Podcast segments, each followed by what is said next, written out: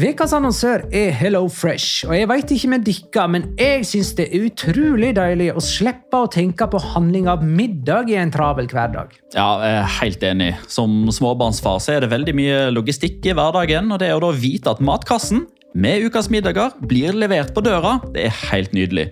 Da slipper du impulskjøp på butikken når blodsukkeret er lavt, og når du kommer hjem, kan du bare ta ut posen med dagens ingredienser fra kjøleskapet og sette i gang matlaginga. Ja, du kan velge mellom 25 ulike retter hver uke. Og de har faktisk en egen kategori som heter Raskt og enkelt, med masse enkle og gode oppskrifter. Veldig greit å ikke måtte ty til takeaway hver gang det er hektisk på jobb. Jeg gleder meg spesielt til sterk chilikylling i min neste kasse. Jeg blir sulten bare av å tenke på det. Ja, Det er ikke feil med bacon og cheeseburger heller, da. Og det som også er bra, er at matkassen koster det samme hver uke, som gjør det enklere å holde matbudsjettet. Ja, og så blir det ikke matsvinn heller, fordi du får akkurat det du trenger til hver eneste rett. Hello Fresh kan absolutt anbefales, og bruker du koden vår, LIGALOCA, kan du få opptil 1779 kroner i rabatt på de fem første matkastene hvis du ikke har prøvd Hello Fresh tidligere. Du kan også prøve koden hvis du har avslutta abonnementet ditt for tolv måneder siden eller mer. Gå inn på hellofresh.no og bruk koden LIGALOCA. Bon appétit! Hallo? Jeg kommer fra Oslo politikammer. Ine Jansen er purk. Er du purk? The motherfucking bitch. Alt jeg vil, er å finne ut hva som skjedde med mannen min. Jon Carew. Er jeg sikta for noe? Iben Akeli. Det er du. Ole So, Lars Berrum og Big Daddy Karsten. Hvem sin side er du på, egentlig? Anette Hoff, Tone Danielsen, Kommer du fra Afrika? Jørnis Josef, Nesten. Kløfta. Trond Espen Seim. Det er synd å si det, men det var feil mann som døde. Purk. Premiere tirsdag på TV2 Play.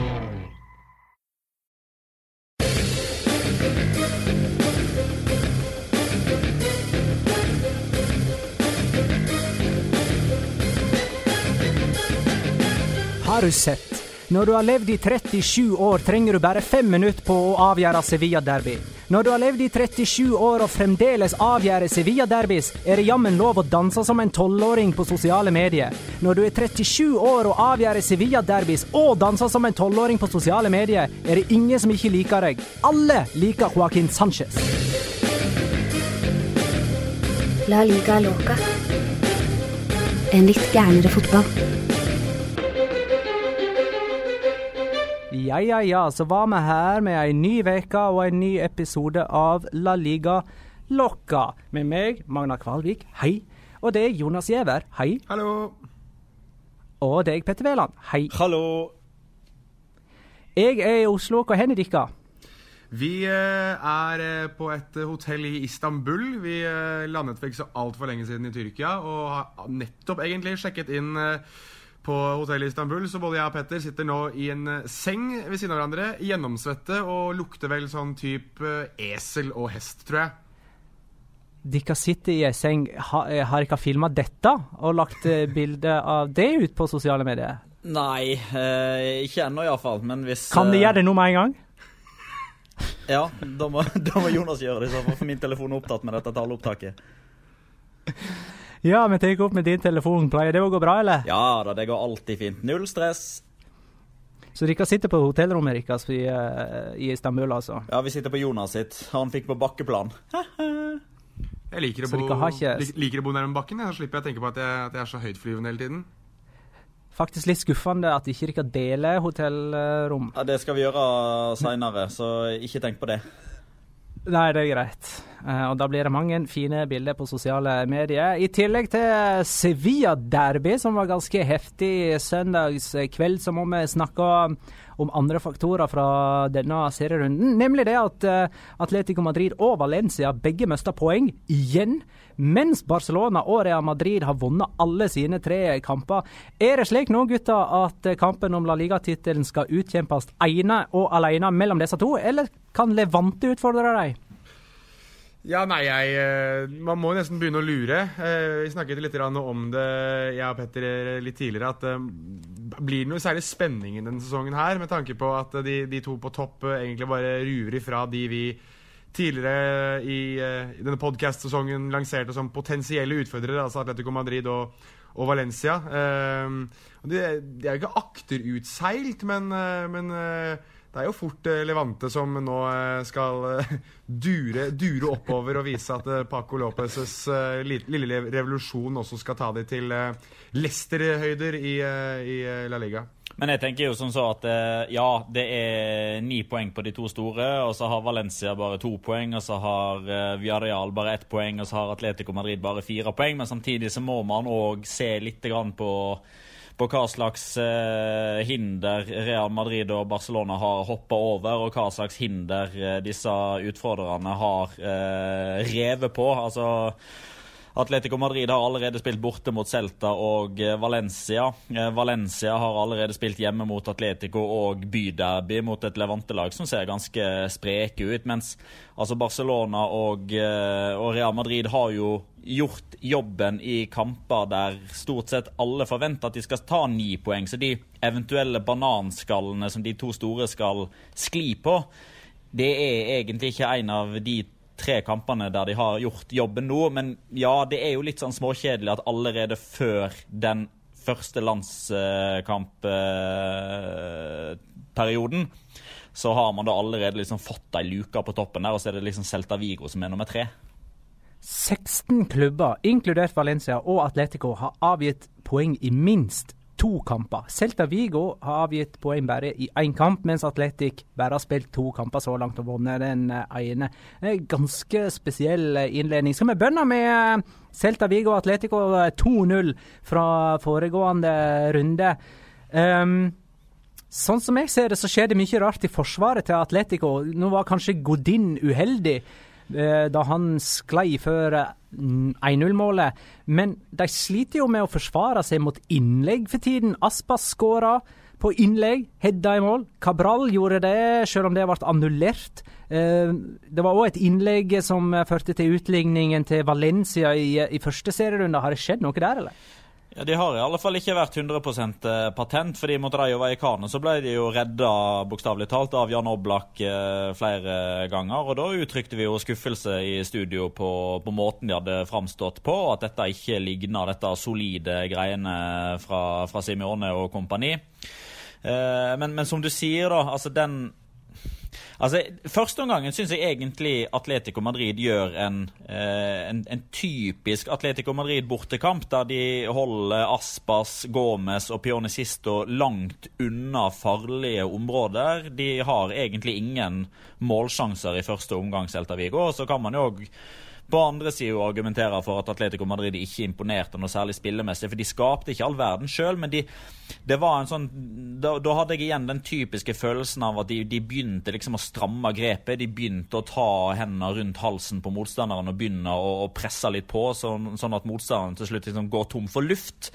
Men så tar det ikke mer enn 40 sekunder av den andre gangen, og så sklir Diego Godin. Maxi Gomez kommer plutselig gjennom, og så står det 1-0, og så endrer alle forutsetningene seg. Eh, men, men derfra og ut så syns jeg det er skuffende at Atletico Madrid ikke har noen form for respons. Eh, og når Aspas da setter inn 2-0 bare 5-6 minutter etterpå, så, så gir jo det òg Celta Vigo en ei enorm bølge å flyte på. Eh, og når Celta Vigo kommer i flytsonen, da er de enormt vanskelig å stagge. Det har man jo sett mot både Real Madrid og Barcelona flere ganger på Balaidos tidligere. Og når Savic dummer seg ut eh, og blir utvist, så eh, så bekrefter jo det litt igjen at det, det, er enkelte spillere i det bakre leddet hos Atletico Madrid som, som ikke er i form. Og så kan man jo som flere andre da har gjort, stiller et litt sånn kritisk eh, spørsmål til, til, hvorfor man velger å kjøre Savic eh, og Jimenez. De to bytta jo litt underveis som høyreback, i stedet for å bare gi Santiago Arias den tilliten fra start når Juan Fran er ute med skade. Sivert van Morik skriver tradisjonen tro har Atletico hatt en svak start på sesongen. Har vi fortsatt like høye forventninger til Simiones soldater? Ja, eh, jeg vil jo mene det. Altså, det, det, de gjorde på overgangsvinduet, og, og, den troppen de har, og det de tidligere har vist, eh, eh, lover fortsatt at det er noe bra i vente. At de skal opp ganske mange hakk denne sesongen her. Men, men selvfølgelig, når de starter så trått som de gjør, og et tap som dette, som på mange måter er, er, er kamper som de, de, burde vinne for å henge med helt i toppen, og for å være et av de lagene som kan være med å kjempe om seriegull, og potensielt eh, vinne seriegull, var vel noen som eh, mente at de ikke kunne se Atletico Madrid eh, et, et, et, En sesongavslutning der eh, Atletico Madrid ikke lå på toppen. Nå kan man jo det i litt større grad da, etter denne serieåpningen her, og jeg, og jeg tror eh, forventningene er skyhøye. Men jeg lurer litt på hvorfor han ikke starter med eh, dyreinnkjøpte spillere på, i en så viktig kamp. Altså Thomas Nei, eh, jo, Thomas LeMar kommer kommer fra benken. Arias fra benken. Kalinic kommer inn fra benken. Det er ingen av de som starter. Det er liksom the same The usual suspects, uh, som, som, det heter, fra i fjor. Er det en mangel på fornying i den startelveren, lurer jeg på, da. til tross for at de har spillere som tidligere har vist at de, de takler og, og nivået i La Liga og takler disse typer motstanderne. Men, men nei, jeg, jeg, er litt skuffa, jeg må være, jeg være ærlig der. Uh, Håkon Nyhus syns det, det lugga uventa mye i Atletico, og, og som at uh, det virker som forsvarsspillet er, avhengig av Rodri for å henge sammen. Kan det være en uh, nøkkel? Han spilte heller ikke. Ja, det, det kan jo være det, men samtidig så er det liksom Altså Thomas Partey og Saul Nige sentralt på midtbanen, det, det, skal jo være, det skal jo være godt nok. Men samtidig så, så, så kan jo dette liksom på mange måter være en indikasjon på at, eh, at Rodri er viktigere enn hva man kanskje trodde eh, at han kom til å være i begynnelsen. Eh, på sikt så så man jo for seg at Rodri skulle være den, eh, den, direkte og naturlige erstatteren for Gabi, som bare skulle gå rett inn og dominere. Og Så starta han jo mot, eh, mot, Real Madrid i supercupen, men så var han vel ute igjen i en av de foregående kampene i begynnelsen av sesongen her òg. Så var han inne igjen, og så var han da ute igjen nå mot, mot, uh, mot Celta Vigo. Og så har de òg altså, Kanskje har vi vært litt for lite opptatt av hva det betyr at både Gabi og Fernando Torres er borte samtidig, litt sånn med tanke på på rutine, på, eh, på, erfaring med det å, å, vite hvordan man skal reagere på ting. Eh, jeg så i alle fall at Marka hadde en, en sånn artikkel der de hadde disse seks årsakene til at Atletico Madrid har starta så dårlig. og Da påpeker de at en av de årsakene kan være at når det lugger eller når det går i motgang, så er ikke lenger Gabi der. Eh, og det tror jeg ikke vi skal mm. undervurdere, selv om Altså Godin eh, først og fremst skal jo være i stand til å ta tak. Men, men når det er han som driter seg ut, så, så, endrer kanskje dynamikken og mentaliteten seg litt. Grann. Ja, jeg tror vi beveger oss eh, videre til Levante Valencia. Det er det byderbyet som eh, Valencia aldri vinner, i alle fall ikke på eh, bortebane. Nå blir det jo åtte år siden siste, ettersom det endte 2-2. Jeg har fått en hilsen fra Johannes Alin denne gangen òg, men jeg hadde rett forrige uke han er like besviken eh, nå, eh, og gidder ikke å verken sende spørsmål eller innspill. Eh, og nå er det enda tyngre, da, ettersom det er landslagsveka, og dermed ikke La Liga neste helg. Han takker for øvrig oss for at vi sprer glede. Så det Vi er en oppløftning der, da. Men hvordan var kampen? Nei, Kampen var artigere og eh, mer eh, intens enn hva jeg hadde trodd. Eh, fordi altså, både Levante og Valencia og alle de valencianske mediene hadde jo brukt veldig mye av oppladninga her på å klage høylytt overfor La Liga på at de ikke flytta kampen til et seinere tidspunkt pga. varmen.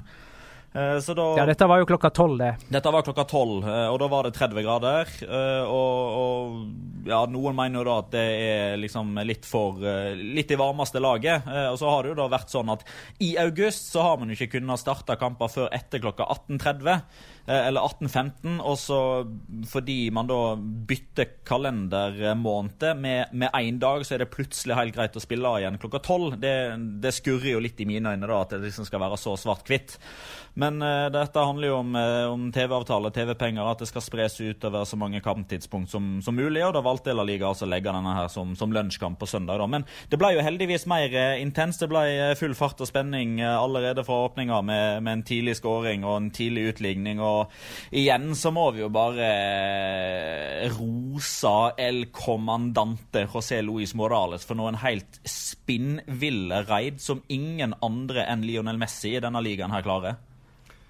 Jeg sitter og Du kan spørre Petter. Jeg sitter og kjører saluttfeiringa her nå i Istanbul for å hedre El Comandante. Det, vi satt og så denne kampen her eh, i, en, i, en, taxi eh, til Seska Moskva sin hjemmebane, og jeg og Petter satt Det var noen som spurte om det ble mye ligging på gulvet, og vi lå vel nesten i taxien etter at eh, den, eh, det raidet til første skåringa til Roger Marti eh, eh, Altså, det, det raidet der, det, det vi, vi, satt og snakket litt om det, om at er det kanskje snart på tide å, å vurdere i hvert fall, og hvorvidt Morales burde tas ut på landslaget. Nå er han uh, Han er jo 31, og det er forståelig, forståelig, at det er vanskelig å ta ut en person som er så gammel på et landslag. Men Gud hjelpe meg hvor, uh, for debuten sin, men Gud hjelpe meg hvor god han har vært i den sesongåpninga her. Jeg kan ikke og også på, i sesongavslutningen for Levante også. Dette er jo noe som har pågått over en stund, sånn, hvis du ser det, ser det kampmessig. Så så dette er jo Hvis du ser bort fra Lionel Messi, så må det her være La Ligas top performer. Altså den beste spilleren i La Liga kanskje over en 10-12 kampers periode nå, mener jeg. Uh, og det er jo, det er jo litt, det er litt, uh, litt, sånn paradoksalt med, med, tanke på at uh, veldig mange, kanskje ikke oss så mye, men veldig mange tror at uh, Levante skal være et av de lagene som ligger og vaker nede. Men, men jeg synes de, de har imponert ekstremt, og det er Uh, I aller stor grad pga. Morales, men, men, så må vi også hylle Paco Lopez litt, som har vært en trener som kanskje har gått litt under radaren. da uh, litt, litt, sammen med Abelardo i fjor, og, og, har tatt det enda et steg fremover i år. Nå kanskje aller mest imponerende sammen med uh, Antonio Mohammed da, i, i, Celta Vigo. Levante har et tap. De tapte mot Celta Vigo i forrige serierunde. Men det kanskje det betyr at Celta Vigo har noe for seg, ettersom de slo Atletico nå. Ellers så håper jeg du fortsetter å skape bilde, Jonas. Først eh, sitter du sveitt sammen med Petter på senga, og siden så ligger du dere to sammen på gulvet i en uh, drosje. Ja, vi, kan, vi, skal prøve å, vi skal prøve å gjøre det. Men Valencia, da. Jeg mener har ikke de kommet ordentlig i gang? Er det nye spillere som sliter med flyten og det å finne seg til rette? Cherryshev skåra, den var jo ganske pen. Chedishev skårer alltid mot Levante. Han har spilt tre ja, ganger mot de og skårer nå uh, for, uh, for, tredje gang. Så det er jo tydelig at den, den uh, VM-feberen som han fikk i, i Russland i, i, juni og begynnelsen av juli, den har han klart å beholde et par måneders tid. Men denne, denne, kampen her mot Levante, den Altså, Valencia tapte jo ikke den, men, men de tapte satte den allikevel litt i forkant eh, når det ble klart at Garay ikke rakk tilbake inn i tid. Kondogbia måtte stå over med skade, og Geders ble ikke tatt med i troppen. Eh, og, og, de tre fraværene der de er så sentrale for Valencia når de ikke er i flytsonen. For det er de ikke nå. Og det var jo Marcelina veldig klar og tydelig på òg eh, etter kampen. at Han liker ikke hvordan laget hans ser ut når de ikke har ballen. Mm. Uh, og uh, etter 30 minutter av denne kampen her, så var det jo eh, drikkepause. det legger man jo inn når man har x antall grader på, på termometeret i, i, Spania. Og da var òg Marcellino veldig klar og tydelig på at han ikke likte det defensive arbeidet. At man tillot, at for mye rom bak seg. Og så setter det dommer i gang eh, spillet igjen, og så tar det vel et halvt minutt maks. Og så serverer Enis Bardi et, et wienerbrød av en pasning i bakrom til Roger Marti, og plutselig så står det 2-1. Så, det, så det, er, det, er, lite Marcellino over dette laget for øyeblikket. Mm tror vi hopper videre til Real Madrid-Leganes 4-1. Eh, før vi går inn på den kampen, skal jeg bare minne om eh, at eh, vi senere skal også ta en diskusjon på Champions League-gruppen. For vi har jo ikke fått snakka om trekningen der. For så vidt er Europaligagruppa òg, men vi begynner Vi får ta kamp for kamp her. Real Madrid-Leganes 4-1. En pasningsrekord Eh, på Real Madrid eh, melder i alle fall ISPN med 798 vellykka pasninger i, i, kampen. Mm. Er det Lopetegi sin strategi vi ser i, eh, i praksis? Ja, det er det. Eh, og det fikk man òg det første signalet om i den første hjemmekampen mot eh, Retafe. Eh, for da tok Tony Cross den dype rollen. Da var Casemiro på benken.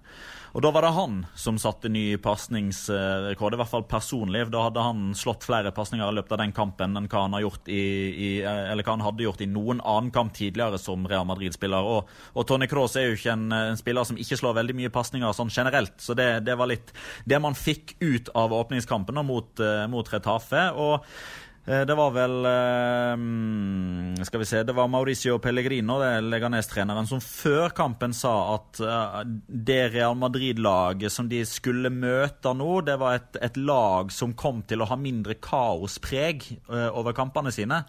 For det var noe av det som, som kjennetegna Real Madrid. At de, de, vant veldig ofte kamper, men de slapp inn.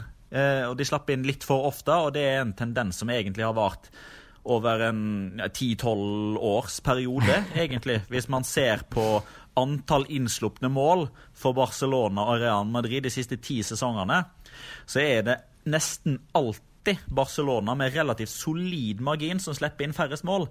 Eh, og Der tror jeg Lopetegi har eh, litt av de samme genene som Guardiola, med tanke på at han tenker i den grad at hvis det er vi som har ballen, så kan ikke motstanderen skåre. Mm. Mm. Samtidig så, så, fordrer det jo at han må ha gode pasningsspillere. For hvis du mister ballen, altså hvis du slår 50 pasninger, så er sjansen større for at du mister ballen på en av de pasningene, enn hvis du slår 20 pasninger. Så det er jo en balansegang her, men, men fram til nå så har det gått ganske så greit. Men eh, igjen da, Av de spillerne som starta mot Leganes på, på, lørdag, så var det jo Casemiro som sleit mest, og som hadde flest balltap. Og så skåra Ramos på eh, straffe. Jeg minner om eh, tweeten til Jesper Tørstad. som jeg Hvor mye vant du? Eh, nei, det ble vel eh, ca. 5000, da. Jeg tjente inn eh, de Jeg tjente inn septemberkronen på det ene bettet. Uh, jeg føler Deilig. Nå, deilig. Ja. Da, tar, da, tar, du telefonregninga denne måneden. uh, og, og, mens vi er inne på betting, så føler jeg, si, føler jeg for å si som de gjør i England uh, When the fun stop stops. Nei, det, det, er ikke sånn de sier det. When the fun stops, Nesten. stop. Sånn Der, ja. Ja, ja. Vi, vi, har ikke de advarslene i Norge. Jeg skjønner ikke hvorfor det. men Bale, da. beste sesongstart ever, eller? Ja, ja og Benzema. Ja, jeg, jeg, vil nesten si Jeg, nesten, eh, jeg, er, enig, jeg er enig med Bale, uh, men det var nesten litt ventet sånn Man tenkte at når, når, når, eh, Ronaldo er borte, så åpner det opp for mer rom for Bale sentralt. Han kan vandre litt mer klart. Uh, det er han som kanskje er, er oppspillspunkt i større grad i, i, i posisjoner der, der, han kan skåre mål. Men, men jeg, må, jeg, må, nesten si det at uh, denne kampen her beviser det kanskje ikke, men, men du ser faktisk tendenser og kanskje en indikasjon på det at Karim Benzema nesten har klart å neglisjere det at han har vært en kjempegod spiss i ni år mens han har spilt med Cristiano Ronaldo. Selvfølgelig han har hatt kjempetall, men eh, eller, altså, kanskje ikke kjempetall som sammenlignet med Ronaldo tidligere. Men nå ligger han vel oppe i Hvor mange mål er det, seriemål er det? Er det tre, han, han, har fire, fire. Han, har fire seriemål. Han, han er toppskårer i La Liga for første gang. For aller første gang så er Karim Benzema toppskårer i La Liga. Og det syns jeg sier litt om, om, de posisjonene han selv velger å ta nå. At han, han gjør kanskje ikke den eh, grovjobben, den drittjobben som han har gjort før. Uh, han, han, setter seg selv i, i større skåringsposisjoner. Og, og, en ting vi kanskje har glemt litt med Benzema, er jo fordi vi har jo ikke sett dette på det franske landslaget heller. Det er ikke sånn at vi har, hele tiden har visst at det, eh, han har vært en, en så god målskårer for et annet lag. For han har jo rett og slett ikke spilt for Frankrike, for han er jo ikke en del av Didier Deschamps ønskede mannskap. Så, så, det er nesten eh, selvfølgelig satt litt på spissen som vi, er, vi, ser en spiss som nå har funnet ut at Oi, jeg er faktisk verdensklasse. La meg vise det for resten av verden. Nå som Cristiano Ronaldo er borte. Det er litt, eh, det er litt sånn, eh, sånn X-Files eh, å se på det, men samtidig litt gøy. Og, få, og, jeg gleder meg egentlig til fortsettelsen, for da mm, skal Benzema holde på sånn ut sesongen, så kommer vi til å, å se, um, i mine øyne, verdens beste nummer ni. Uh, jeg tror jeg skriver ned den påstanden der. Uh, da, må jeg, da, må jeg, få sagt det. Da må jeg få sagt det. Jeg må få sagt én ting. At det er greit nok at jeg er positiv til Benzema, men jeg fikk eh, melding av uh, Magnus Ramos Stars i uh, Peña Madridista, og han han er overbevist om at Karim Benzema Ballon d'Or, så ja. vi kan Men dette var altså Jonas 3. september. Hvor mange, hvor mange eh. sånne har du nå egentlig på meg nå, Magnar? Sånne dokument. Du må jo snart ha et ganske fullt dokument av ting jeg har sagt. Den boka skal, her har jeg lyst til å lese. jeg skal ta og gjøre opp et regnskap uh, i slutten av veka. Men uh, Courtois starta. Ja, han slapp også inn et mål.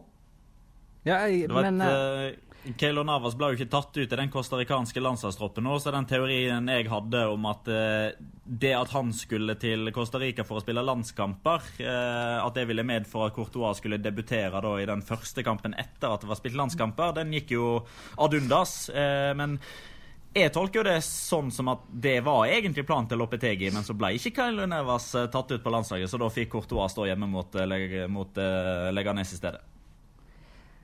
Jeg veit ikke hvor mange lag som har en god erfaring med det å ikke ha en fast uh, etablert førstekeeper. At de skal drive og rotere på det der. Jeg veit ikke hva Real Madrid eller Lopetegi har tenkt. Uh, jeg vil jo tro at det er Courtois som er førstevalget, og at det liksom bare var et tidsspørsmål før han skulle få sjansen.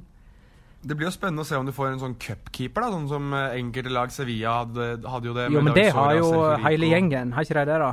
Jeg vil jo, jo tro at en av dem skal være Copa del Rey-keeper. Jo, jo, det kan jo godt være det. Ja, det, det der ser jo bare litt uh, merkelig ut sånn i innledningen, men etter hvert så etablerer det seg uh, sikkert et uh, mønster. Shayan Jalilian skriver Real Madrid vinner La Liga, ferdig snakka. Pipa har fått en okay. annen lyd. Ja, eh, Shayan Jalilian eh, Jeg ba han egentlig om å sende bilde av eh, PC-en sin og FM-knappen etter overgangsvinduet. Og det, da svarte han med at PC og tastatur var da byttet ut. Så mm, litt skuffet over at vi fikk det bildet, men det er hyggelig å høre at Shayan har nå gått over for å være ekstrem pessimist i Jonas Giæver-klassen til nå vanvittig optimist à la Jahn Teigen. Men da kan han jo heller bare sende drakta av den Mariano 7-drakta han har kjøpt, da. Ja. Eller ikke. Eller ikke. Jeg Nei. tror han var ganske skuffa over at det var han som fikk uh, sjuåren. Var Jaliljan det? Ja, det virka sånn på Twitter. Ja. Han mente vel at nummer syv ikke lenger betød noen ting i Real Madrid. At uh, all historie var kastet ut av vinduet. Vi følger ganske mm. grundig med på Twitter-kontoen til Shayan Jalilyan. Altså, ja, ja det, er, det er en klar follow, altså. Så bra. Eh, apropos dette med supportereffekter og sånt. Eh, har du en supportereffekt på det nå, Jonas? Nei, jeg har ikke det. Men jeg har snakket med eh, Barcelona sin supporterklubb i, i, Norge. De har tatt kontakt. De har sagt at de skal eh, sende meg en T-skjorte, de også. Jeg ba de om å vente litt grann fordi jeg eh, eh, skulle Europa rundt nå. Eh, så jeg, jeg, sa at det første episode er tilbake i studio i Oslo. Så blir det Barcelona-T-skjorte. Og jeg har Uh, fortsatt selvfølgelig Real Madrid-T-skjorte og Valencia-T-skjorte, så de skal gå litt på rundgang. Så igjen, hvis det er noen andre som har supportergrupper og effekter, enten det er skjerf eller hva det måtte være Jeg har faktisk et Atletico Madrid-skjerf òg, så det blir jeg ta med i studio. Så hvis det er noen andre som har effekter eller har noe de ønsker at jeg skal uh, proklamere og vise fram i studio, da uh, visuelt, og så snakke om det Hva blir det for noe, Magnar? Audielt? Er det det heter? Auditivt. Auditivt, nettopp. Mm -hmm. så, så, så, gjør jeg det veldig gjerne så tar jeg bildet off guard. Ja, det er eh, eh, riktig. Tradisjonen tro. Eh, Barcelona og Esca 8-2. Mats ja. Oppheim skriver Barcelona med åtte mål. Hvordan passer det med fjorårets gjennomgående analyse av laget under Valverde som tryggere, men uten kalasseiere? Uh, jeg vil kalle dette et avvik fra det. Uh, ene og alene fordi Wesca eh, ødelegger for seg selv i den kampen her. Jeg tror faktisk at det målet til Cucho Hernandez ødelegger det som kanskje er kampplanen til Wesca. For det målet det kommer så tidlig. Det kommer etter tre minutter. Og det er det ene Altså det første angrepet Wesca har på kamp no, noensinne i La Liga, leder til scoring. Uh, og jeg tror rett og slett at de blir tatt litt av stummens alvor. For det som skjer etter det, er at de legger ekstremt mange mann bak ball. Uh, de spiller litt sånn som man forventer at det nyopprykkede lag skal spille på, på kamp nå. Uh, de prøver å kontre, men, men, Barcelona er selvfølgelig gode på å, å, stoppe det. Og når det først da begynner å renne inn mål feil vei for Westcas del, så, så, blir det litt sånn devil may care og, og, og kaster spillere høyt opp i banen. og Eh, det er situasjoner der hvor Suárez, Coutinho, Messi og Dembélé kommer fire mot to og burde skåre, men klarer det på en eller annen merkelig måte å ødelegge for seg selv. Det kunne, det, kunne, faktisk oppriktig talt blitt 11-12 mål den kampen her til Barcelona hvis de skrudde på skjermen skikkelig, men det, de måtte ha noen bommer, de òg. Og 8-2 er eh, veldig fortjent, men, men eh, jeg sitter og lurer litt på hva Wesca sitter igjen med etter den kampen. fordi de, de som sagt, De tar en tidlig ledelse. De, de klarer å, å, på papiret ha, ha, spenning inn til pause, men, men, etter det så faller de bare sammen som et korthus fordi de bestemmer seg for at nei, vi skal gi dette en skikkelig sjanse de neste 45, og så er det ikke noe sikkerhet, det er ikke noe defensiv terping, det er ingenting de egentlig får ut av det uh, i de neste 45. Så det veldig gode første 45, og så er det et eller annet uh, som skjer oppi hodene deres der de bestemmer seg for at de bare skal pushe på for alt de har eh, i neste 45 og blottlegge seg fullstendig for Barcelona. Det de fikk ut av det, var vel at de kunne skåre på Barcelona med 19 vellykka pasninger i ett og samme angrep. Det var jo imponerende, da. Jo da, det er kjempeimponerende. Eh, ja, de, nei, det... de, de, gikk vel for litt sånn Rayo Vallecano-variant, gjorde ikke det? At det, her skal det bare briste eller bære, men skal prøve å spille vårt spill og så se hvordan det går.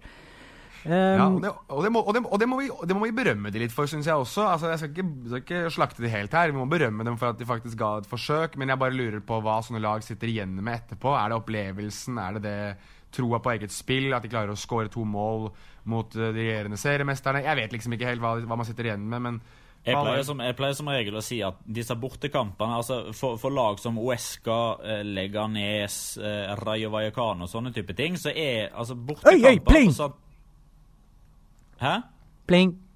Bare fortsett. Pling. Sånne type ting, sa du. Oi!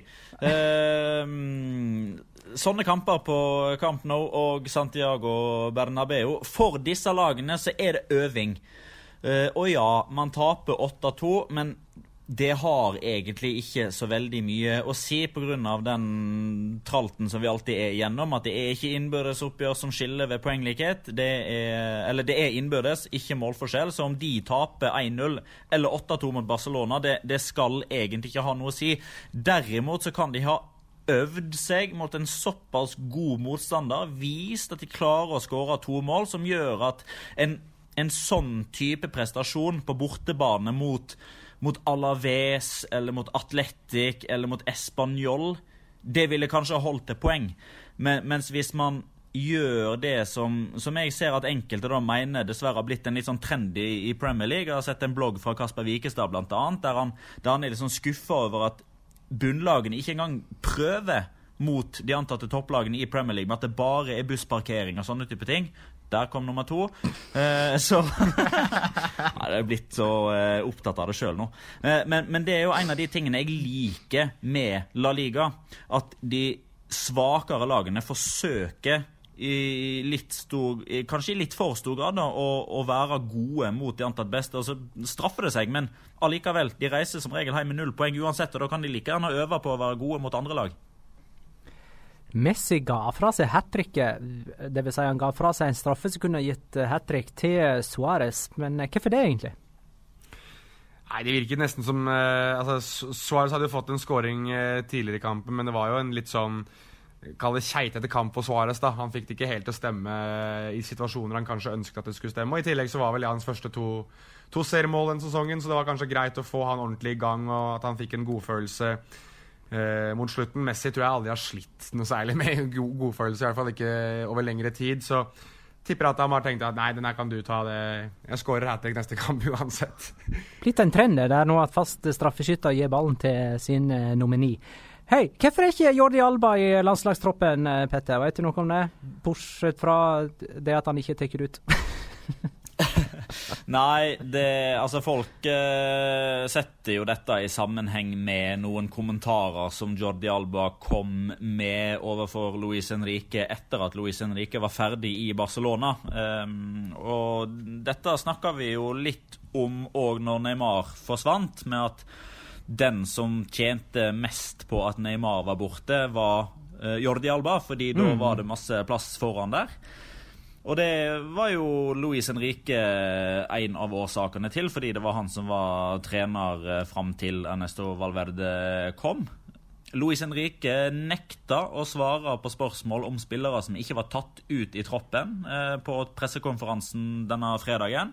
Han uh, fikk òg spørsmål av uh, Monica Marchante i, uh, i Movistar Pluss når han var i, i intervjusonen i pausen mellom Real Madrid og Leganes. For da var han på Santiago Bernabeu for å se de landslagsuttatte spillerne. og Da var han òg veldig unnvikende, og han dreide liksom samtalen over på Marcos Alonso og, José Luis Gaya, som, som da faktisk er tatt ut. Jeg er litt usikker på på hva som er årsaken her. Eh, altså Alba har jo vært ganske åpen om at han, han fikk ikke lov til å være den beste utgaven av seg sjøl under Luis Henrique. Luis Henrique nekter å svare på hvorfor han ikke har tatt han ut. Men men alle veit jo altså alle vet at Jordi Alba er den beste spanske landslagsbekken. Alle veit at Spania kommer til å spille 4-3-3, som er den formasjonen Jordi Alba har spilt nå de siste åtte-ni årene. Så det må være noe annet enn det sportslige. Med mindre Jordi Alba Kåke og Iago Aspas det er de tre som er utelatt, som det er litt sånn eh, utropstegn bak. Med mindre Luis Henrique er liksom så sikker på at Iago Aspas, Kåke og Jordi Alba de er med i landslagstroppene i all overskuelig framtid, men jeg er usikker på hvem som er nummer to bak de. Ergo derfor skal Marcos Alonso spille mot England. José Luis Gaya skal spille mot uh, Kroatia. Og i neste tropp så er den av de to som gjør det best, med i troppen sammen med Jordi Alba. Men, eh, men, jeg tviler på at det er sånn, men, men det kunne ha vært en forklaring som, som i hermetegn liksom redder Luis Henrique, da. Riktig. De, uh, Spania møter altså England. Det er 8. september. Hvordan uh, dag blir det igjen? Uh, fire, fem, seks, sju Er det lørdag, det? Og så er det Jeg forholder meg ikke til dager denne perioden her, kun til byer. Ja, det, der er vi to. Og så er det Kroatia hjemme uh, i neste uke. Uh, Nei, dit skal vi ikke. Dere skal ikke dit. Det er Nei, greit. Uh, men da går vi videre til Sevilla Derby. Hvis ikke dere har noe dere brenner inne med uh, vedrørende Barcelona og Esca. Uh, Real Betis Sevilla 1-0. og ja Joaquin, liksom. Veit ikke hva jeg skal si, jeg.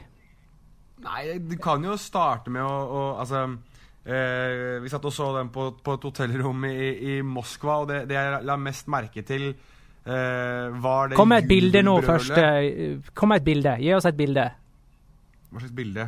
Nei, Lå ikke oppå hverandre på gulvet og sånt? Nei, jeg Skal vi se. Jeg satt vel i senga til Petter. du Petter. satt på fotenden. Jeg, eh, jeg, jeg satt faktisk på gulvet, sånn knestående med armene opp i senga.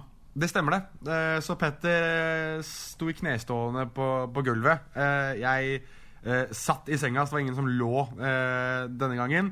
Men vi okay. kunne jo nærmest, nærmest ha, ha, gjort det mot slutten av, av kampen. I hvert fall, Jeg husker aller best det jubelbrølet som man hørte på, på Benito Villamarin da, da Joaquim begynte å varme opp. Da, det, mm. da han ble pekt på at du skal innpå. Ekstreme jubelbrølet.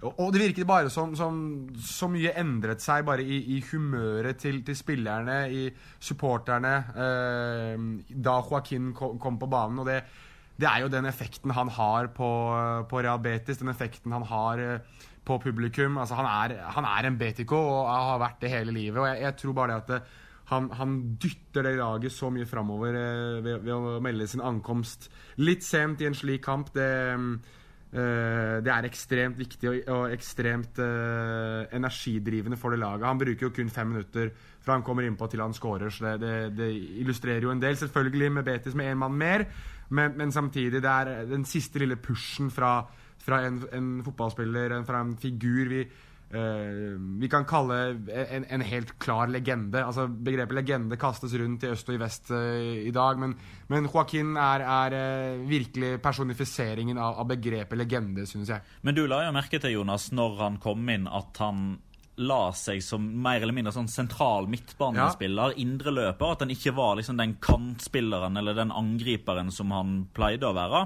Og da var vi liksom vi var litt usikre på ja, men det kan hende at han liksom bare legger seg der nå, og at når, eh, når etter hvert som kampen går, så flytter han seg liksom høyere i banen. Mm. Men det er jo nettopp det at han starter litt dypt, som gjør at han kommer i nettopp den posisjonen der. Og han sa jo òg det i, i postmatch-intervjuet nede på, eh, på gresset, at de, altså Spillerne begynner å kjenne hverandre såpass godt nå, så han analyserte seg da fram til at når Aisamendi har ballen i, i den uh, posisjonen der, så pleier han å bare uh, labbe ballen inn på, på, bakre stolpe. Så da var det egentlig bare å ta turen inn dit. Mm. Og det var jo et fantastisk innlegg. Det var jo bare å sette hodet til.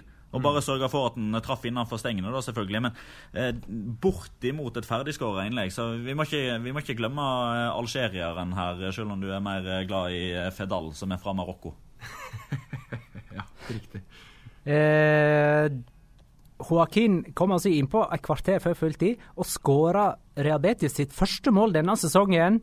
eh, fem minutter seinere med sin aller første berøring på ballen.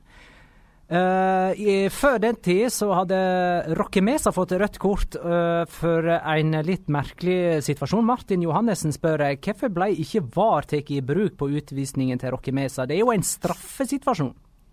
Ja, eh, og de, dette fikk jo òg eh, Belasco Caraballo spørsmål om. Eh, han er dommersjef i det spanske fotballforbundet og da eh, en av de ansvarlige for VAR-implementeringa. Han hadde i dag en pressekonferanse eh, etter de første tre serierundene for å snakke om VAR, på samme måte som at Infantino hadde det når det var i, i, VM. eller om det var Colina, var det jo selvfølgelig ikke Infantino. Mm. Og, og, og, det Altså, han er jo selvfølgelig veldig politisk korrekt, han vil ikke mene noe noe særlig om det. Eh, men, men grunnen til at VAR liksom ikke ble brukt her, sånn som jeg tolker det, det er jo at altså, Situasjonen er jo som følger, da, for de som ikke har sett det, at Paul Lopez har ballen. Han plukker vel et innlegg, eh, mener jeg å huske, og så skal han forsøke å sette i gang relativt hurtig. Roque Mesa er inne i boksen, eh, og, og han han, han, stopper bevegelsen sin, sånn som jeg husker det. Det er liksom ikke sånn at han, han, har en veldig klar retningsforandring eller går fra høyre mot venstre veldig klart og tydelig, men han stopper bevegelsen sin, noe som gjør at Paul Lopez da løper inn i han. Det er sånn som veldig ofte blir kalla for sabotasje.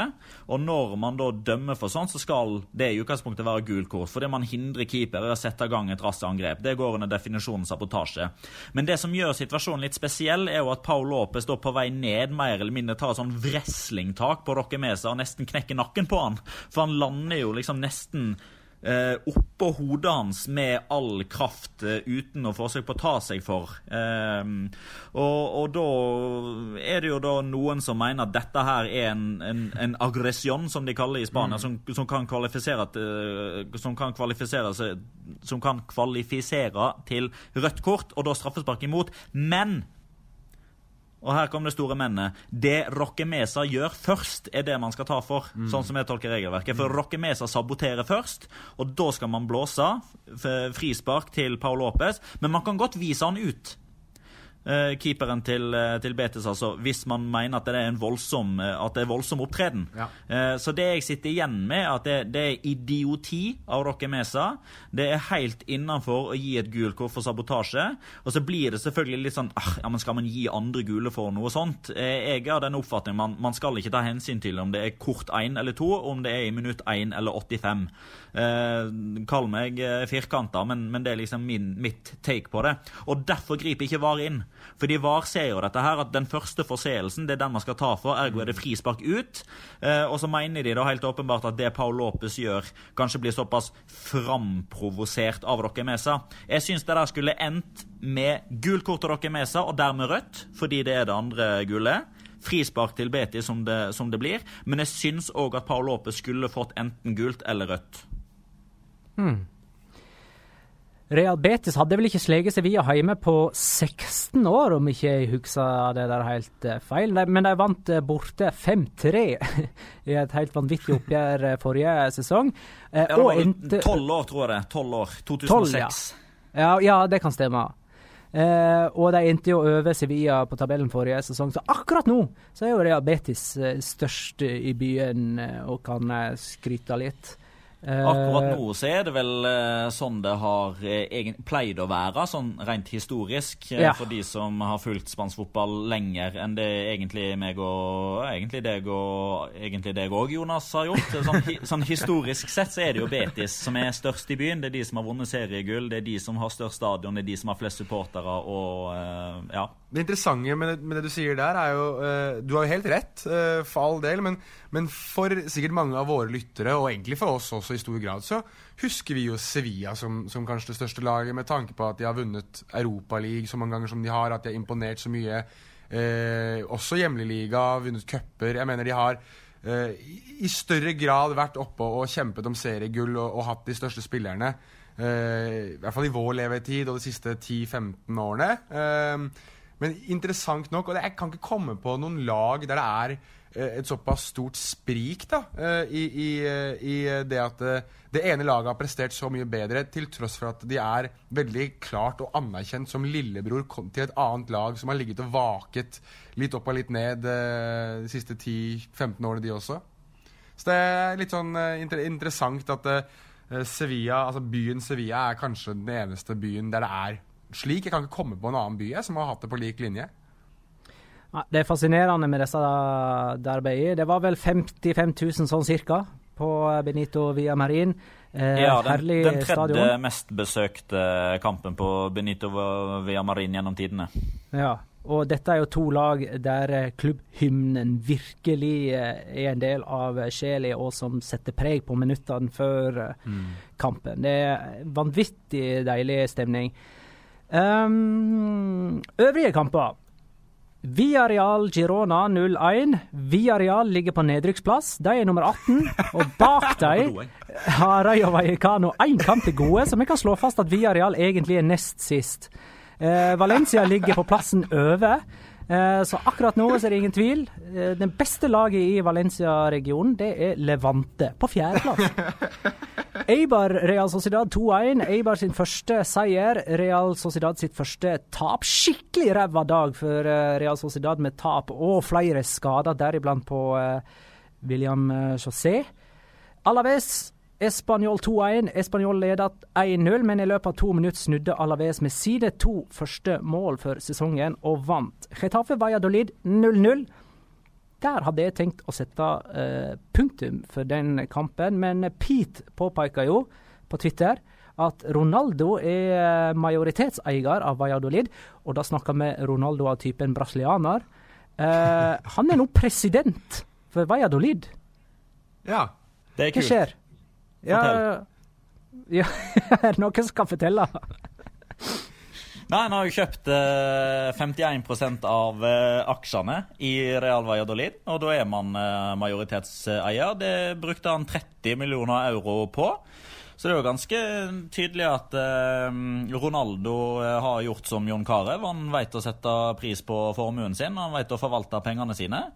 Eh, og, men så får man jo se hvor, hvor stor liksom, satsinga blir. Jeg syns egentlig uh, Off Fenomeno har hatt en veldig sånn eh, fin inngang på dette. Altså, det er ikke sånn at han lover gull og grønne skoger, sånn som de kinesiske eierne gjorde i Español, sånn som eh, Ali Syed gjorde i Rathing Santander i sin tid, før han ble jakta av Interpol og forsvant. Eh, ja, uh, Altani, i Malaga. Uh, Ronaldo har liksom vært sånn Nei, han, han ser uh, forbedringspotensialet. Det er en stor by, det er en vakker by. Det er fint samsvar mellom eh, mellom eh, byen Valladolid og regionen Castilla y León og forbedringspotensialet i en såpass stor klubb som, som Valladolid med en fin stadion.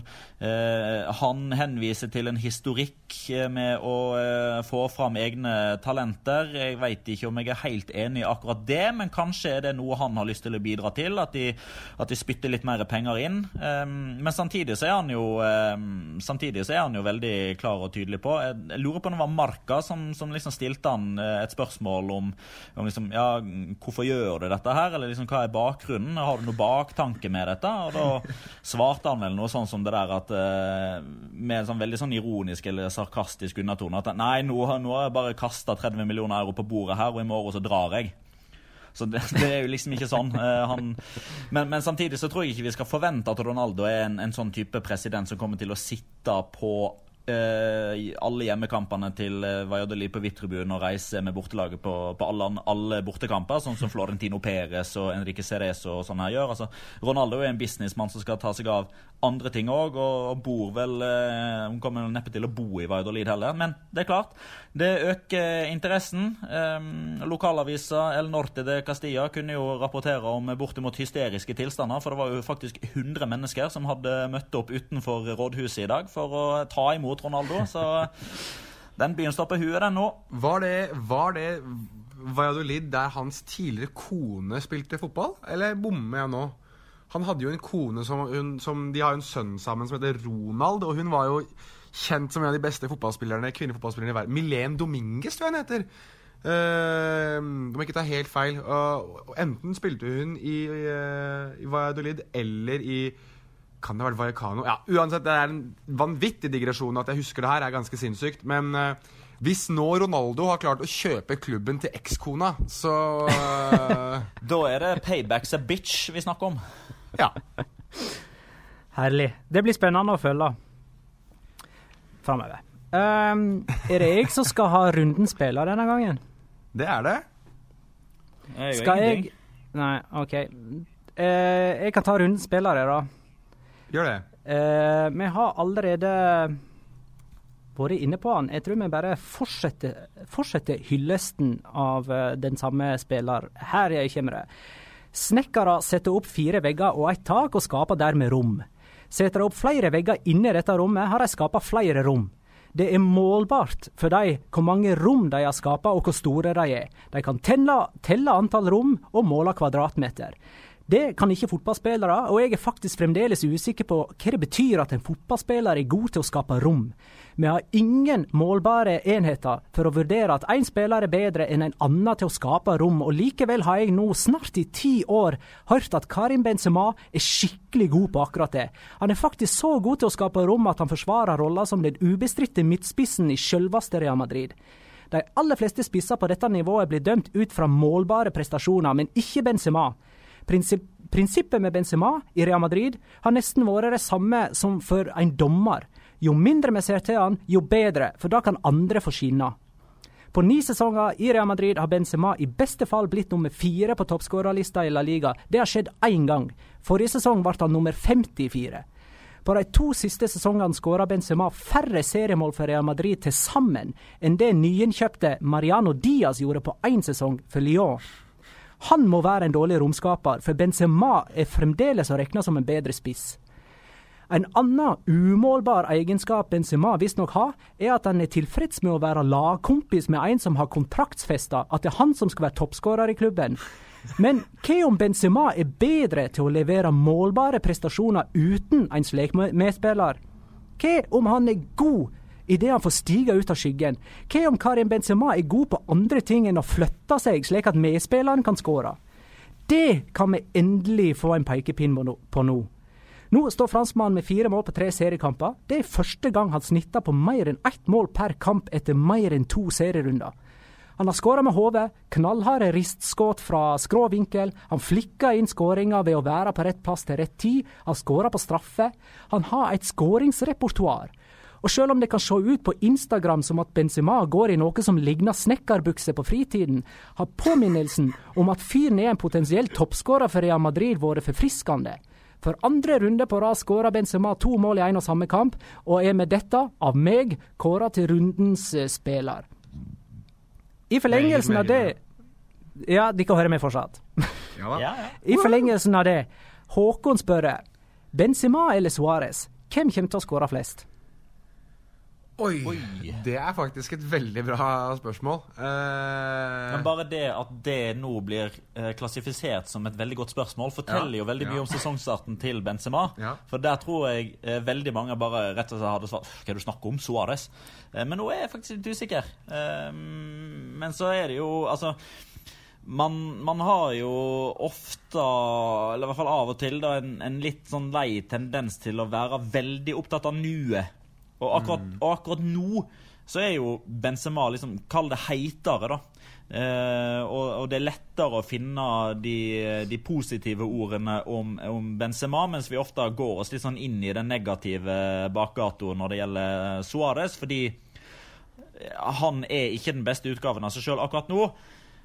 Men, mens jeg tenker altså skal det, skal det så lite til for at Benzema liksom plutselig nå skal være Nei. nei. Luis Suárez, svarer jeg. Jonas? ah, Der er vi enige, da. ja, altså, jeg eh, Veddemål. Vi har gitt vi har, Å, oh, oh. Nei, nei, bare svar. Nei, altså Ja, nei, jeg, eh, jeg, jeg ble så bergtatt av uh, spilleprofilen til Magna, så jeg sier Karim Benzema, og så synes jeg han har hatt eh, en ekstremt interessant først og fremst serieåpning, for vi har sett en, en eh, toppspiss som for første gang får lov til å være det på veldig mange sesonger, i I den grad at han skal skåre mål, og ikke alltid være den som du så veldig eh, rett påpeker skal skape rom. Eh, hvordan det gjøres av en spiss, det har vi jo fortsatt ikke helt eh, hva skal jeg si, kjemisk svar på. Men, eh, men eh, nei, jeg går for Karim Benzema. Jeg sier Luis Suárez. Så to på Suárez, én på Benzema. Men jeg tror begge kommer til å skåre bra med mål. Ja, det tror jeg. Skal vi ta en vurdering av Champions League-gruppe? Ja.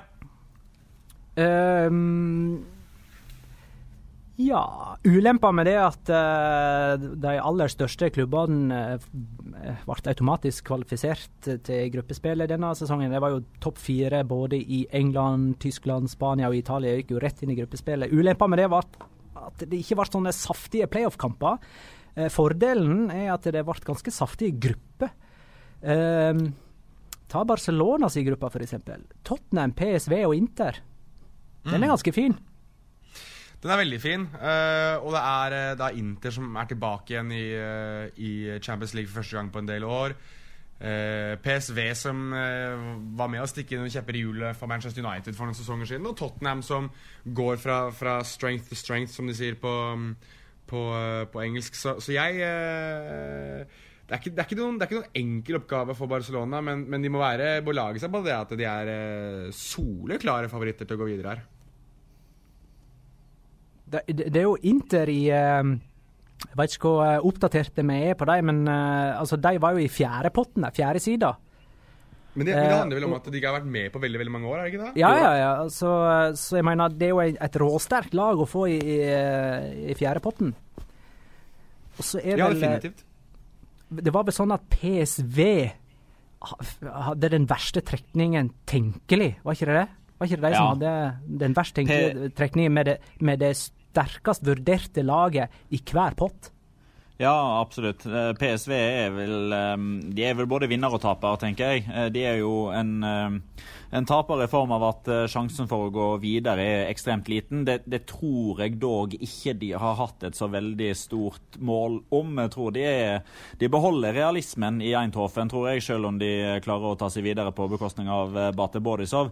Det man derimot har sett nå, ut ifra den trekninga her, er jo at sjansen for å komme inn i Europa League òg er veldig, veldig liten. Eh, og det er jo liksom den, den store eh, tingen man taper på i PSV. At sjansen for å komme inn i Europa League ved å bli nummer tre, den er jo veldig mye mindre nå med Inter enn hva den hadde vært med eksempelvis Victoria Pilsen eh, eller Hoffenheim, mm. uten at man skal kimse av eh, tysk bondesligalag. Men på den andre sida så vinner man jo i form av at man får attraktive motstandere, da. Men uh, for å sitere Jørn Sundby, Eller ikke sitere, for jeg husker ikke direkte hva han skrev, men for å være enig med hva Eurosport-kommentator Jørn Sundby skrev på Twitter, da, jeg er litt sånn usikker på, på, hvorfor man skal være så veldig fornøyd med å møte gode lag i en idrett der det faktisk handler om å vinne. Men uh, nå er jo ikke jeg verken journalist i det landet som eh, PSV er fra, ei heller PSV-supporter, så ja.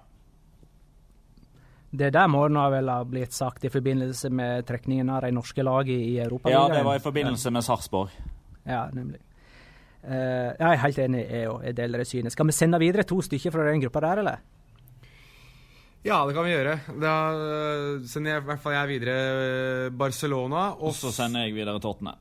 Ja, jeg sender videre Inter. Uh, veldig, veldig, veldig marginalt mellom Inter og og Tottenham Jeg er ikke sånn kjempesolgt på, på Tottenham helt ennå. Ikke det at jeg er sånn bergtatt av Inter heller, men uh,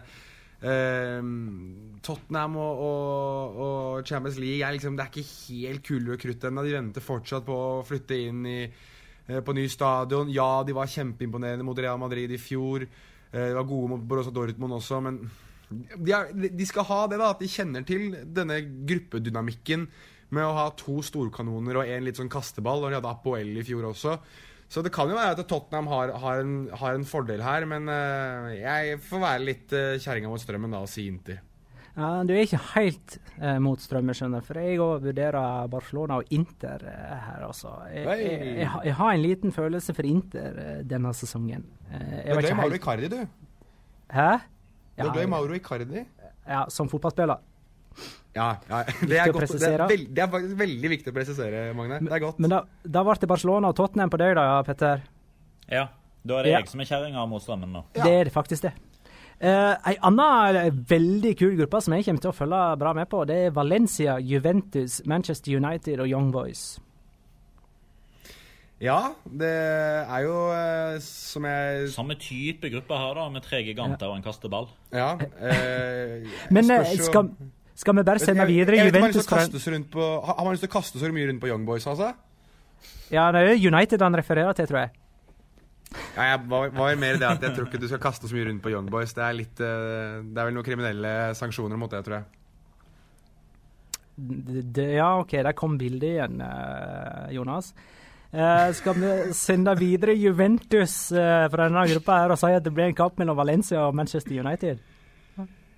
Ja, jeg kan si meg enig i det. Jeg har Juventus eh, blant eh, de største favorittene til å vinne hele greia, basert på det de har gjort de foregående sesongene, og med at de nå har liksom, den, den største plussfaktoren og den eh, største faktoren som vipper marginer i favør av sitt lag. Så um, et godt bilde på det, siden du er så glad i bilder, eh, Magnar, eller en god video på det, er jo at Forrige sesong så røyk Juventus ut fordi Cristiano Ronaldo skåra for Real Madrid. Jeg tror eh, jeg tror, jeg tror bildet kan fort snus denne sesongen her. Men for at vi skal få den muligheten, da, så må jo Juventus videre. Og det, det tror jeg de skal klare ganske så greit.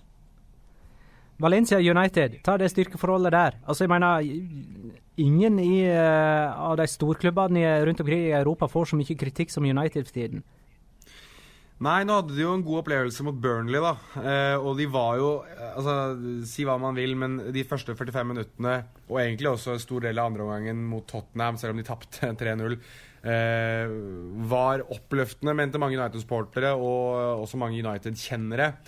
Så at de er, kanskje begynner å våkne litt i den sesongen, det, det er jo mulig. Hvis Mourinho får litt arbeidsro, så vet vi jo alle hvor god han er. Valencia fortsatt ikke helt i gang denne sesongen. Du påpekte jo det at de ligger ned og vaker på nedrykksplass, så øh, Jeg ser det slik at det, hvis, du, hvis du nå bare setter United i uh, toppslag og Valencia i toppslag, så heller jeg mot Manchester United.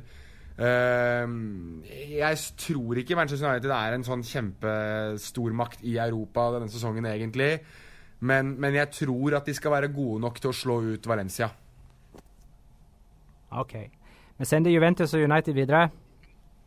Petter? Under tvil. Under tvil. Atletico Madrid, Dortmund, Monaco og Brugge. Det er tasty. Det er tasty gruppe. Den, Det er det. Det er litt sånn hipstergruppe. Eh, men man sier kanskje det hver gang Monaco og Dortmund faller, at det er hipstergruppa, uansett hvilken gruppe de er i. Er vi litt forbi det stadiet nå, kanskje? Kanskje. Jeg, jeg er litt sånn eh, Heng litt igjen, jeg, vet du.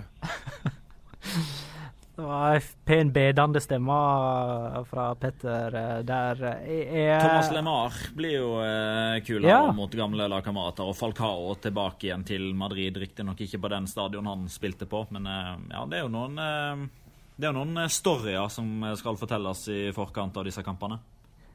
La oss eh, vurdere med Atletico sine sjanser. Skal de vinne denne gruppa, eller? Ja, det, det tror jeg. Eh, og det er litt sånn fordi jeg tror de blir bare bedre og bedre utover høsten. Eh, skal ikke så veldig mye til når jeg tenker meg om, fordi de har starta så dårlig. Men eh, forrige sesong så, så røyk de jo ut av Champions League-gruppespillet pga. at de dreit seg ut mot Karabag. Eh, de tok jo altså innbyrdes mot Roma og Chelsea, så tok jo eh, Atletico Madrid nok poeng til at de da hadde gått videre på en innbyrdes eh, tabell. Og de, de antatt beste motstanderne trives jo Atletico Madrid ganske så greit mot. Samtidig så har jo liksom Monaco og Dortmund har jo litt dette kaospreget mot seg, da, så jeg føler at det blir litt sånn Det blir Altså, kampen i kampene her er taktikerne, altså Simione mot Favre. eh, Når Atletico Madrid møter Dortmund. Fordi det er to vidt forskjellige spillestiler. I hvert fall sånn som vi kjenner Atletico Madrid nå. Og vi har jo egentlig sett veldig lite til i seriestarten om at Simione skal forandre så veldig mye på det. Så da får man, hvis man ser veldig svart-hvitt på det, da defensive Atletico mot offensive Monaco mot offensive Dortmund. Og det, det går bra noen ganger. Det har som regel gått bra mot, eh, mot Real Madrid, spesielt i hjemlige turneringer, men òg nå sist i, i Europacupsammenheng. Så har ikke det gått så bra mot Barcelona. Eh, det gikk greit mot Bayern München, eh, men det er litt sånn Det er absolutt faresignaler her, men jeg tror Atletico Madrid både har det beste laget og det mest rutinerte laget i, i denne sammenhengen. Så jeg tror de går videre. Og så har vi kjapt den siste gruppa. Real Madrid, eh, som involverer spanske lag. Real Madrid, Roma, CSKA og Pilsen. Eh, dette er sånn eh, Jeg hadde nær sagt klassisk eh, Champions League-gruppa for meg, der du har to ganske klare favoritter eh, til å gå videre, og det er Real Madrid og Roma. Men så ser jeg at Roma driver og eh, fomler rundt omkring. så kanskje CSKA kan utfordre dem. Jeg vet ikke hva dere sier. Ja, basert på ting som eh, Petter Wælands legg etter å løpe rundt CSKA sin stadion. Ja, der har det jo vært. Mm. Han, ja, han har, leggen til Petter har streika i dag på første runde rundt uh, CSKA sin bane, så jeg tror vi har fått et uh, lite horn i siden til dem på bakgrunn av det. Eh, samtidig også en ekstremt tam supportersjappe. Eh, der de ikke hadde årets eh, modell på fotballdrakten sin. De er jo sponset av Umbro, ikke Adidas. Det var kun Adidas-drakter de solgte i, i sjappa si. Så er jeg eh, litt sånn småskuffa over, over Seska, uten at det har selvfølgelig noe sportslig hensikt. Men jeg baserer meg kun i disse flosklene her, og eh, tror at Roma ene og alene burde feie over dem grunnet finere draktdesign, og sikkert også en enklere stadion å løpe rundt, da det er da den olympiske stadion i Roma. All right. da har vi sett Real Madrid og Roma videre fra den uh, gruppa der. Uh, jeg tror uh, det nærmer seg slutten her, så nå får vi ta Locora. Ukens La Liga Locora. Locora. Locura. La Liga Locura. Noen som har lyst til å begynne? Ja, jeg kan begynne. Um, de første 25 kampene i La Liga denne sesongen fikk jeg sett uh, live. Uh, kamp nummer 29 uh, fikk jeg sett live. Kamp nummer 26, 27 og 28 fikk jeg ikke sett live. Kamp nummer 26 var fire skåringer, en utvisning og tre tverrleggertreff. Eh, kamp nummer 27, tre skåringer, snuoperasjon, var bonanza. Kamp nummer 28, ti skåringer. Takk for meg. Kan ikke du bare slutte å se kamper, da, Petter? Jeg har veldig lyst til å si ja på vegne av alle andre, men jeg er så egoistisk at jeg sier nei. Kan jo skyte inn her at det å ta taxi med, med Petter i, i Moskva har vært en opplevelse som Eh, hva angår eh, ting som hvor dedikert er egentlig Petter Wæland til La Liga. Eh, jeg skulle gjerne likt å kunne bringe fram den, den tråden på Twitter igjen som vi har på La Liga Loca, fordi det har vært noen intense videoseanser mellom de ulike stadionene i, i Russland. Forventer mer av dette gjennom Eller nei, jeg gjør jo ikke det, for det er ikke noe serierunde. Så en litt gladere og kanskje mer oppmuntrende Petter Wæland nå ut neste uke, det kan, kan være veldig behjelpelig. Uh, skal jeg kanskje fortsette til min? Ja, gjør det. Ja, det, min kom jo i oppgjøret mellom Eibar og Real Sociedad. Uh, for der er det en, en stakkar uh, ved navn Martin Merkelans som får sin debut for Real Sociedad. Sikkert ventet på den i lang, lang tid. Den er vel 23, vel? I hvert fall oppe i 20 et eller annet sted. virker veldig gira på å komme inn. Ble endelig byttet inn på banen i det 85. minutt.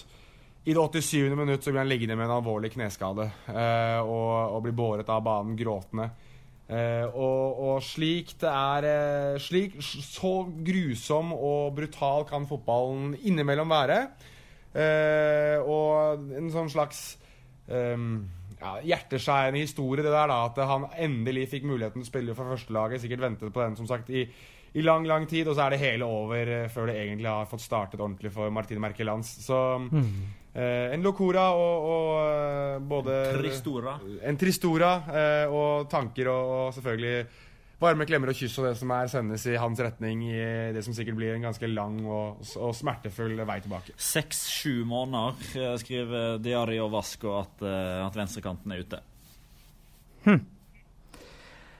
Eh, jeg uh, tar min locora på tips fra Martin Måleng Lund, som påpeker at Real Madrid med 4-1-2 kamper på rad med nøyaktig samme målskårere hadde skjedd lignende før. Uh, og det vet ikke jeg om har skjedd i uh, La Liga. Men jeg vet det har skjedd i norsk uh, førstedivisjon, noe lignende. I 2005, da Sogndal slo Kongsvinger i første serierunde med 3-1 etter skåring av Tommy Øren, Ole Hjelmaug og Anders Stadheim. Og så slo Skeid borte ei veke etterpå med de samme tre målskårerne. Uh, så det har skjedd noe lignende før i verden. Er, er, dette første og siste gang du kommer til å sammenligne Sogndal og Real Madrid, tror du? Eh, jeg kommer til å lete etter sammenligningsgrunnlag eh, framover. ja, men du, eh, det var kjekt å høre fra dere, gutta. Jo, i like måte. Eh, hyggelig at dere kunne hooke opp fra Istanbul. Jeg ønsker dere god tur videre. Takk for det. Takk for det.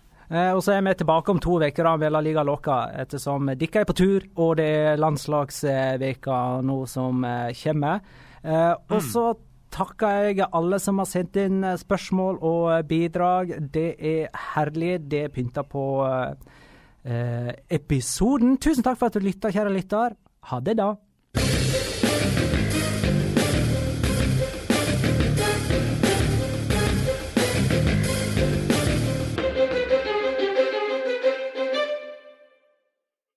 Har du et enkeltpersonforetak eller en liten bedrift? Da er du sikkert lei av å høre meg snakke om hvor enkelt det er med kvitteringer og bilag i fiken, så vi eh, gir oss her, vi. Fordi vi liker enkelt. Fiken superenkelt regnskap.